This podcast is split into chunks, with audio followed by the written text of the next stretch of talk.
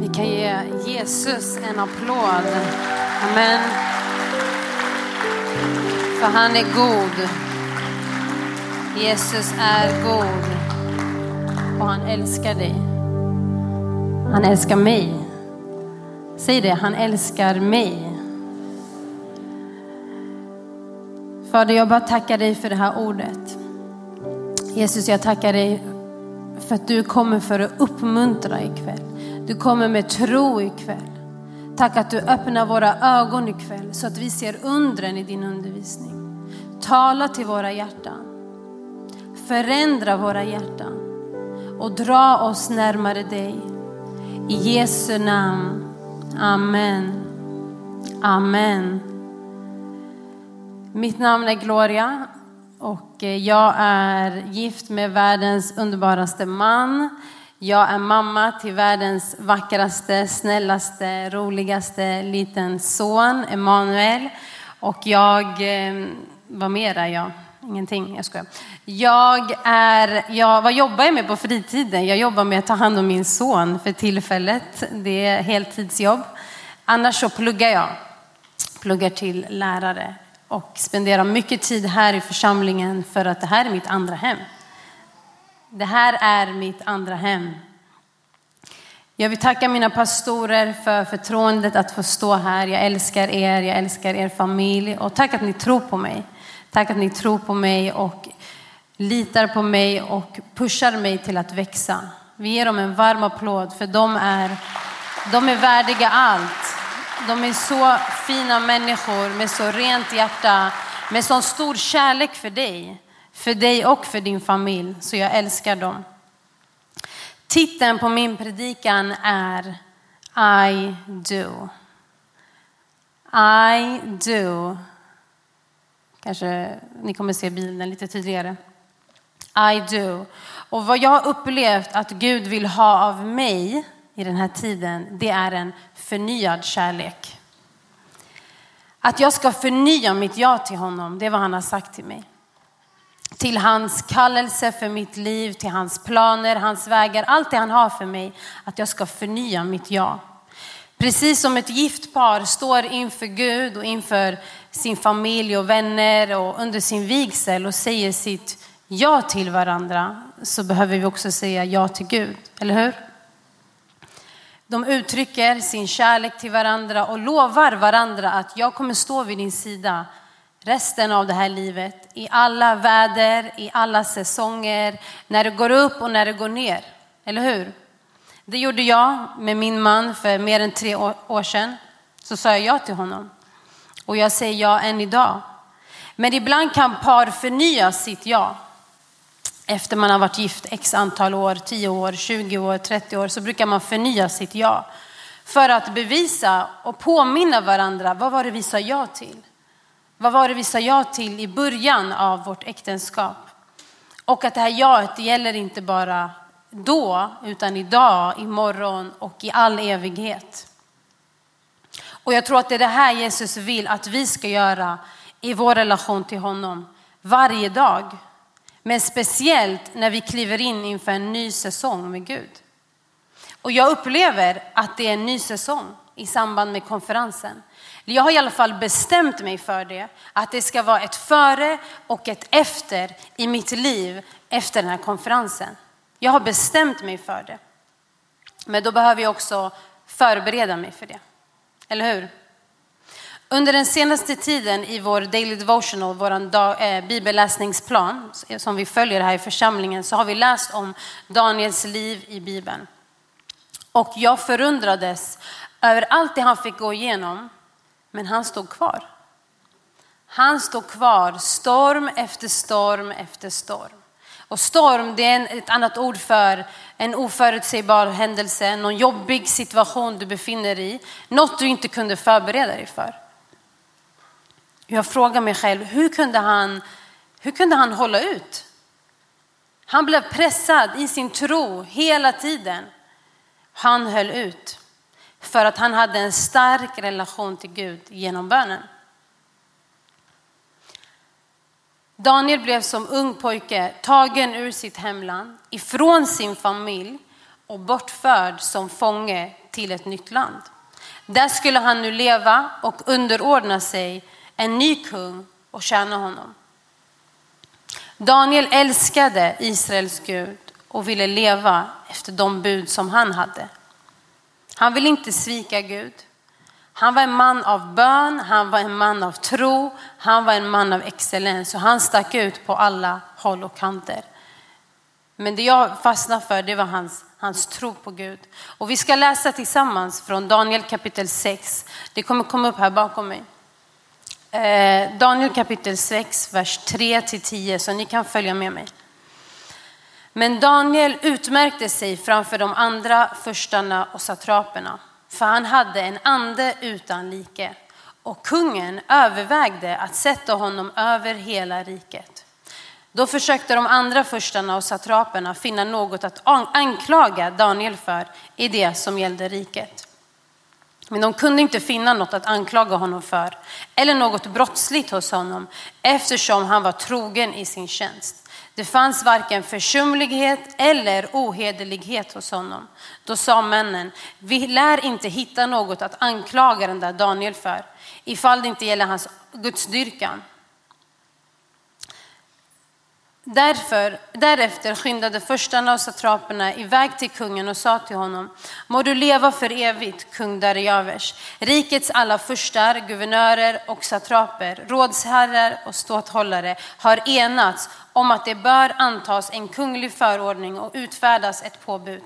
Den som under 30 dagar ber till någon annan gud eller människa än till dig, och konung, ska kastas i lejongropen.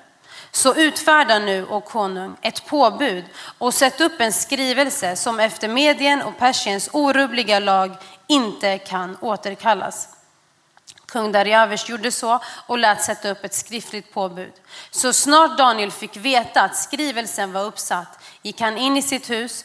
På övervåningen hade han fönster öppna i riktningen mot Jerusalem. Där föll han ner på sina knän tre gånger om dagen och bad och tackade sin Gud, precis som han tidigare brukat göra. Amen. Här läser vi om ett av de tillfällena där Daniels tro sätts på prov. Kungen han går ut med en skrivelse. Du får inte be till någon annan gud, du får inte be till någon annan människa än till mig. Och om man bryter mot det här, då slängs man in i lejongropen. Om man slängs in i lejongropen, det är för att lejonen ska få mat. Så det är ett annat sätt för att säga att det, det är dödsstraff ifall man gör så. Men Daniel, han fruktade inte för sitt liv. Han hade en så stark gudsfruktan att ni såg ju vad vi läste. Han, det första han gjorde var att han sprang upp och bad. Gud var hans tillflykt.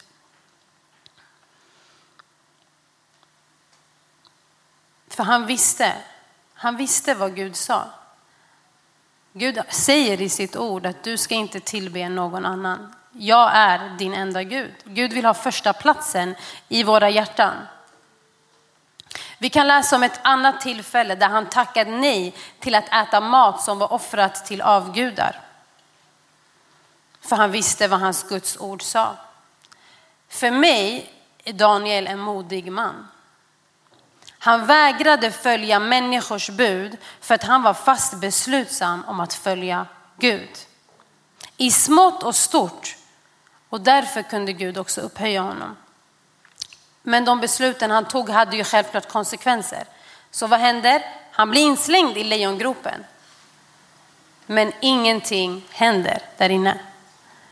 Ingenting händer. Antingen var lejonen inte hungriga eller så var det så att Gud var med honom. Gud var med honom. Gud är med dig. Amen. Gud är med dig. Säg det till dig själv. Gud är med mig. Och jag har tre punkter som jag vill ge dig idag. Min första punkt det är Frukta inte att förlora något när du överlåter dig till Gud. Daniel var inte rädd. Han var inte rädd att ens förlora sitt egna liv. Jag tror, och det här gäller inte alla, men jag tror varför många inte väljer att gifta sig idag, det är på grund av rädsla. Rädsla för vad de kommer gå miste om ifall de går in i det här förbundet. Eller kanske rädsla för att det kommer misslyckas. Ibland kan vi också frukta att ge Gud 100% av våra hjärtan för vi tänker, vad kommer jag gå miste om? Om jag ger Gud allt, om jag överlåter mig till församlingen, om jag börjar i en wow-grupp, vad kommer människor säga? Vad kommer jag gå miste om? Jag kommer behöva förändras. Vi förstår att Jesus är den rätta vägen. Och att vi behöver, vi kommer behöva, vi kommer ändras i hans närvaro. Du kommer vilja ändras i hans närvaro.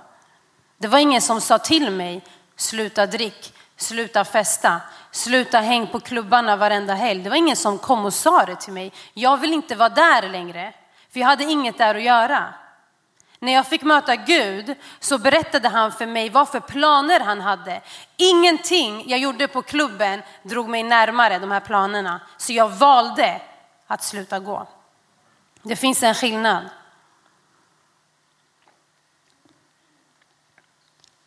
Men Jesus han längtar efter en nära relation med dig och mig.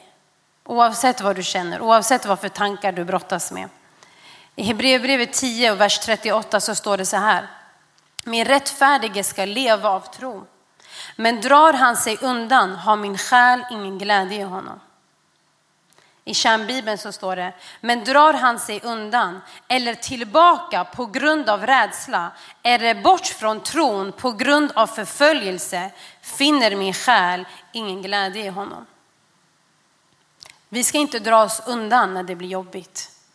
Daniel drog sig inte undan när det blev jobbigt. Han drog sig till Gud. Svaret på hans fruktan eller oro, det var alltid bön. Jag kan tänka mig att han blev omskakad när de sa vad straffet var ifall man bad till en annan gud. De, du kommer bli slängd i lejongropen. Jag, jag, kan tänka mig att han, att han kände någonting på insidan. Men han var fast beslutsam. Han lät inte fruktan stoppa honom från att leva ett överlåtet liv till Gud. Punkt nummer två. Bestäm dig i ditt hjärta. I Daniel 1, kapitel 1 och vers 8 så står det, men Daniel bestämde sig i sitt hjärta.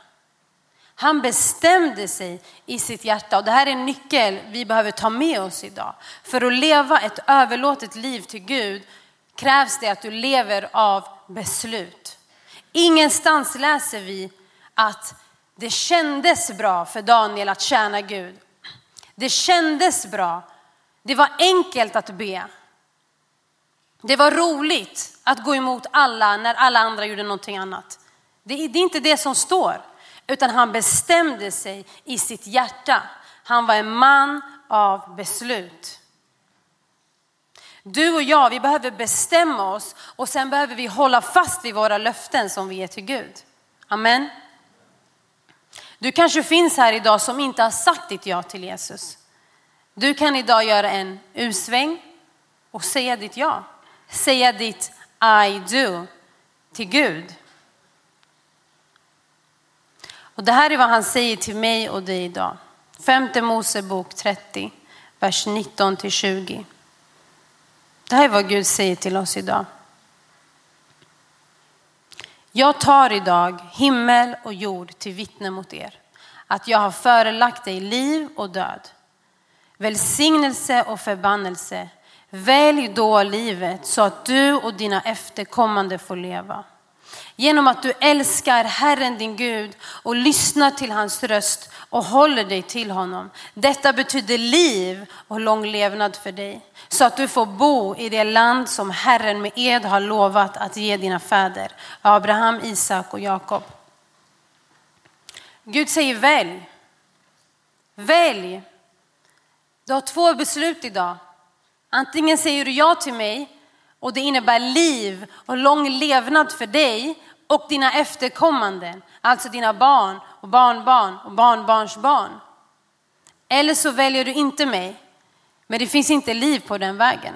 Jesus säger att han är sanningen, vägen och livet. Han är livet. Han är vägen. Det finns ingen annan väg som är den rätta vägen förutom hans väg.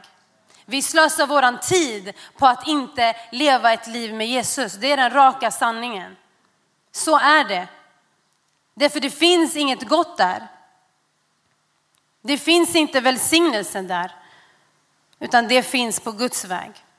Men han lägger fram allt inför dig och han säger välj, bestäm. Bestäm du. Bestäm och bestäm dig i ditt hjärta. Livet utgår från hjärtat.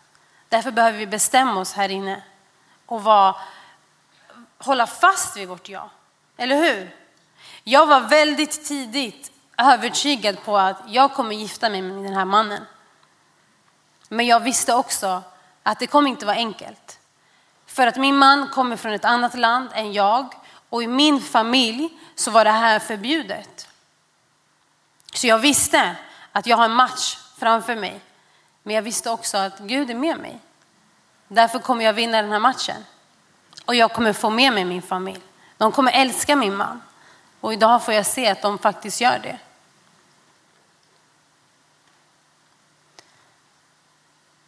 Om du väljer Jesus idag så kan jag inte lova dig ett perfekt liv.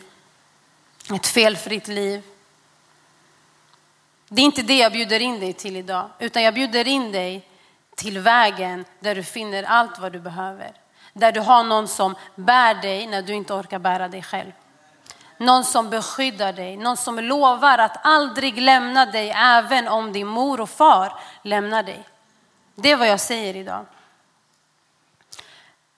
Du kliver in i en relation där din motpart, alltså Jesus själv, lovar att vara med dig varenda steg du tar. Alltså, du kommer aldrig vara ensam. Även om ingen står bredvid dig är du aldrig ensam. Jesaja 41 och vers 10 så står det så här. Var inte rädd. Du kan lägga in ditt egna namn där. Var inte rädd Gloria. För jag är med dig. Se dig inte ängsligt om, för jag är din Gud. Jag styrker dig, jag hjälper dig, jag stödjer dig med min rättfärdighets högra hand. Amen. Punkt nummer tre. Din familj kommer komma in i arken.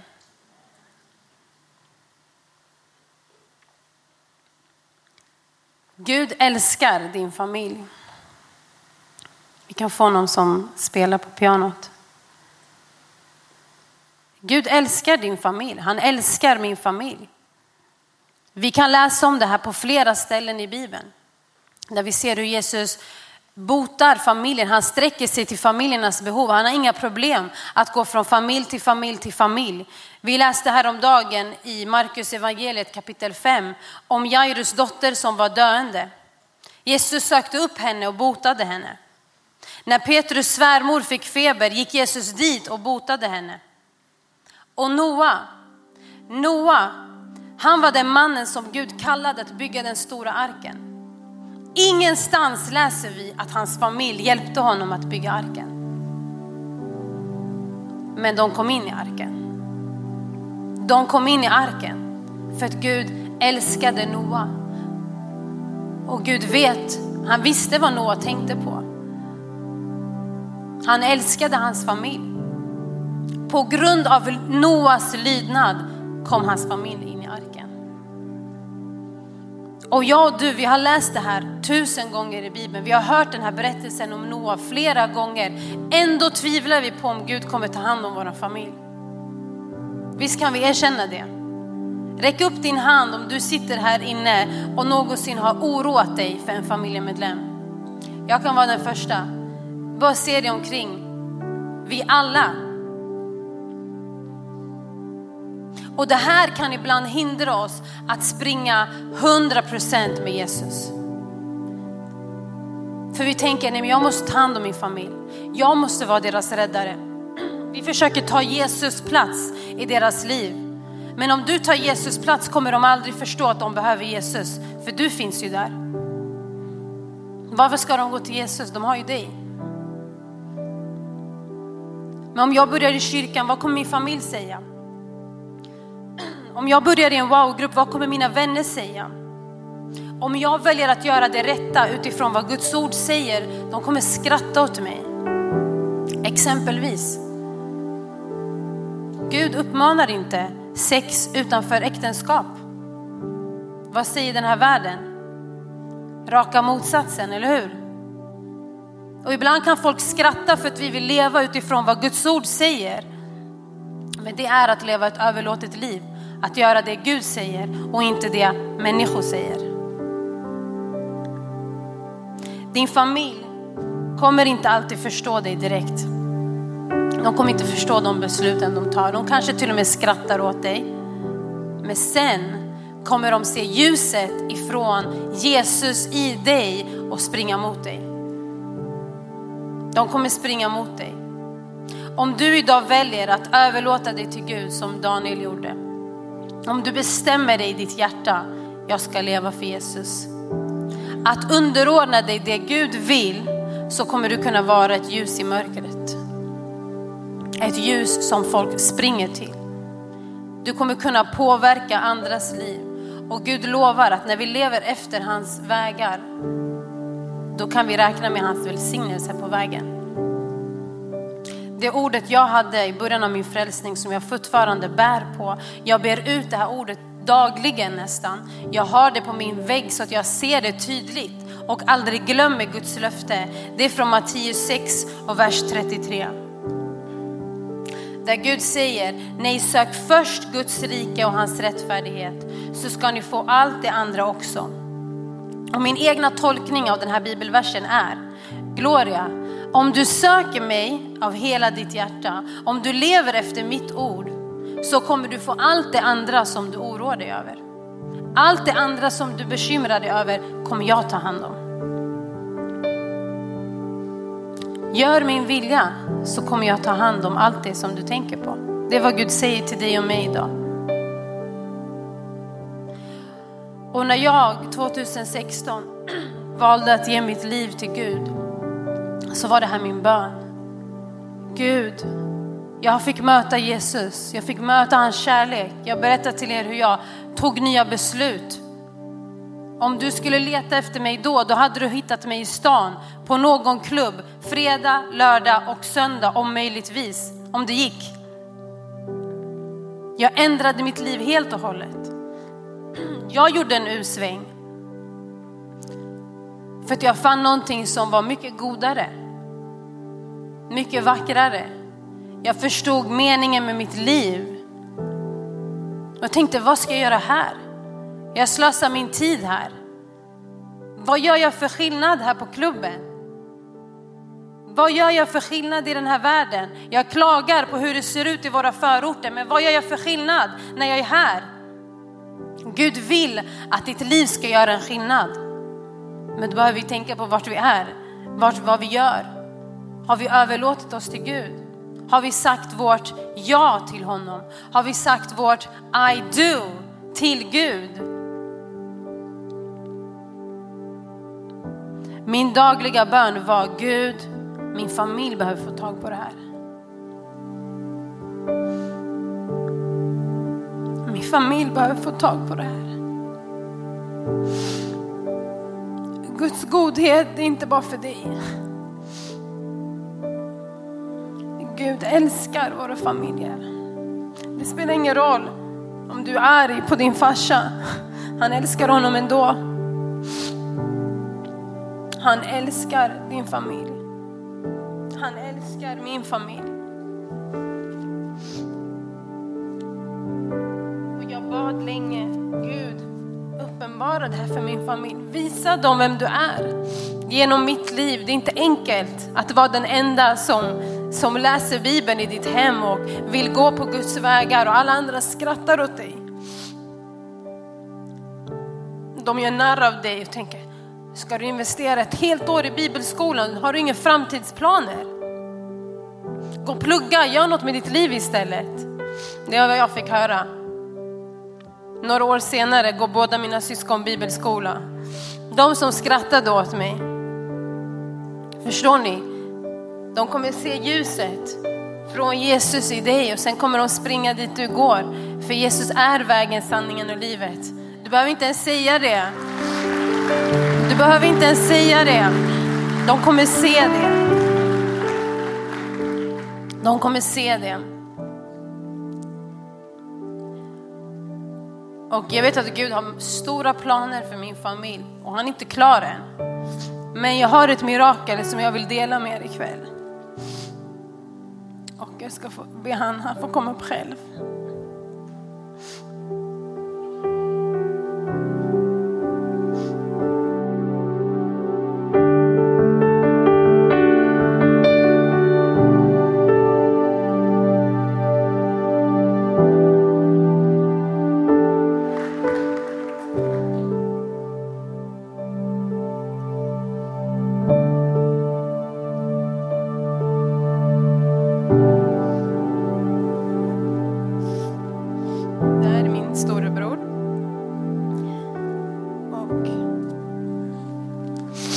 Idag står han vid min sida och vi tjänar Gud tillsammans. Eh, jag ringde han idag och sa, brorsan kan du hjälpa mig? Han, han har alltid ställt upp för mig. Alla killar som brukade mobba mig på förskolan eller skolan, min bror var där och skrämde bort. Alltså jag kommer ihåg att en kille, han sa bara hej till mig. Min bror han var så vad sa du? Han, innan Jesus, min bror, han var ingen att leka med. Han sa bara hej killen och han fick typ stryk. Men Jesus har gjort ett djupt verk i ditt liv också. Eller hur Jano? Så du ska bara få berätta. Vem var du innan du mötte Jesus? För du var inte den du är idag, eller hur? Hur mådde du? Ja, det är svårt att sätta ord på det, sanningen. Jag, jag var inte förberedd på det här, men som sagt, när det är en familjemedlem som delar någonting, det går djupare. Vi är inte rädda för basiller här, så jag ska...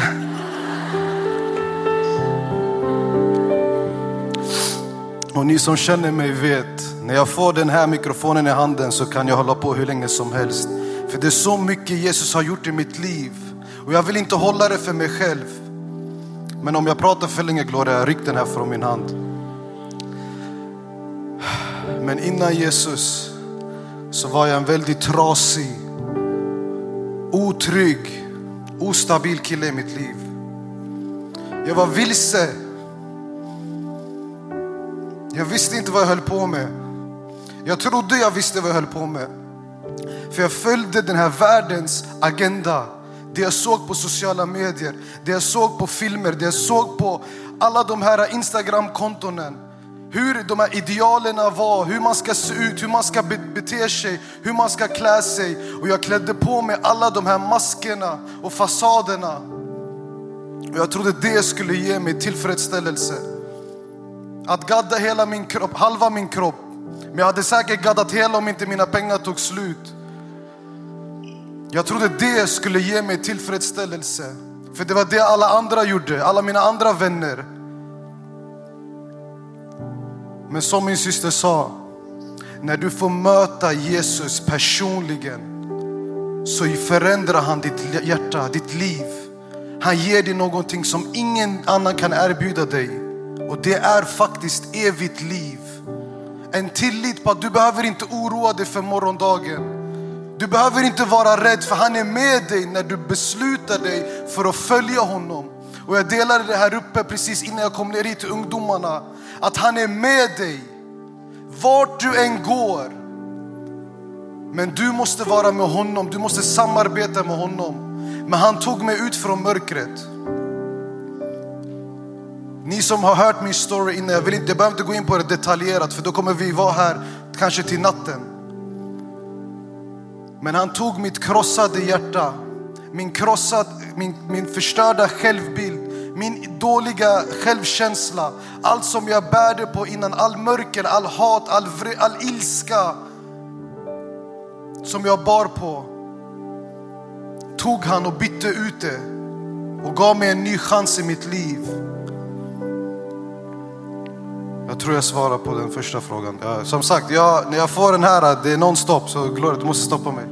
Nej, men det är bra. Vi är här för att lyssna, vi är här för att få tro, eller hur? Gud gjorde ett mirakel i min brors liv. Jano bestämde sig för att åka på en, en resa själv. Och det var där det, det sa stopp för mig. Jag bara, ska min bror på en resa själv? Då mår han inte bra. Så det jag bestämde mig för att göra hela den veckan han var i Grekland, det var att gå ner på mina knän och säga Gud, möt honom i hans hotellrum. Gud, knacka på hans hjärta i hans ensamhet och kalla honom till dig. Några veckor senare är han här och tar emot Jesus. Varför delar jag det här idag? Därför att du som sitter här och är rädd för att ge 100% till Gud, det här är vad vi går miste om. Jag brottades också med de tankarna. Vad kommer jag gå miste om om jag går till kyrkan nu? Mina vänner kommer skratta åt mig. De kommer skratta åt mig när jag hoppar ur de här gruppchatterna vi har. För vi har inget annat att prata om om klubbandet och jag vill inte vara där längre. Jag brottades också med de här tankarna, men tänk om jag hade stått kvar där. Jag tror inte min bror hade fått möta det han har fått möta, i alla fall inte idag. Jag säger inte att det är jag som har gjort verket, men Gud vill använda dig som ett redskap i din familjs liv. Amen.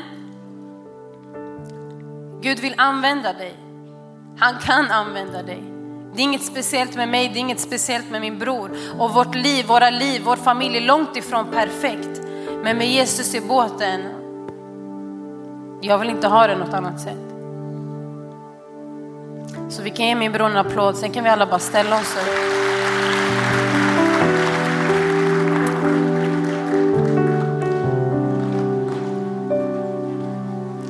Det här vill Gud göra i ditt och mitt liv. Men det börjar med vårt I do. Först att du frukta inte över det du kommer gå miste om. Du kommer inte gå miste om någonting, du kommer bli välsignad. Du kommer bli välsignad med livet med Jesus.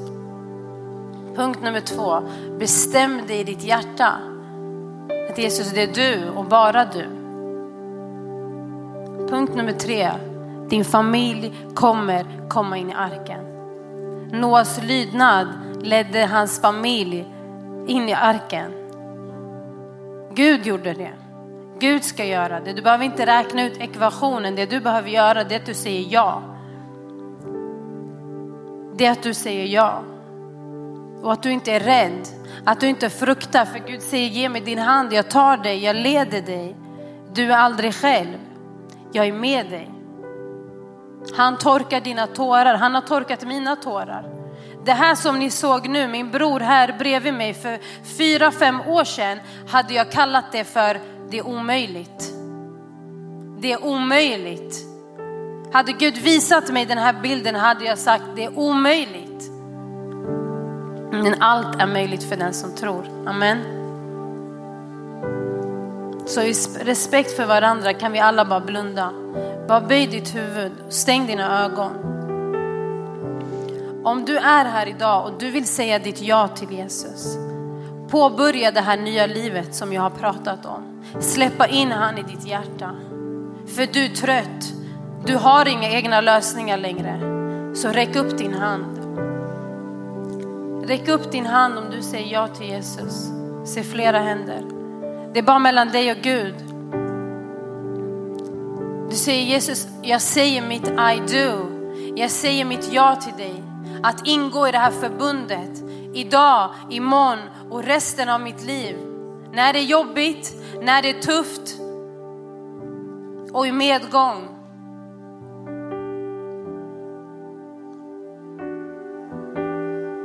Flera av oss här inne har gjort det här förut. Vi har räckt upp våran hand, vi har sagt vårt ja till Jesus för det börjar där. Jesus säger välj. Välj du. Så har du räckt din hand får du jättegärna bara komma fram hit. Jag ska be för dig en kort bön.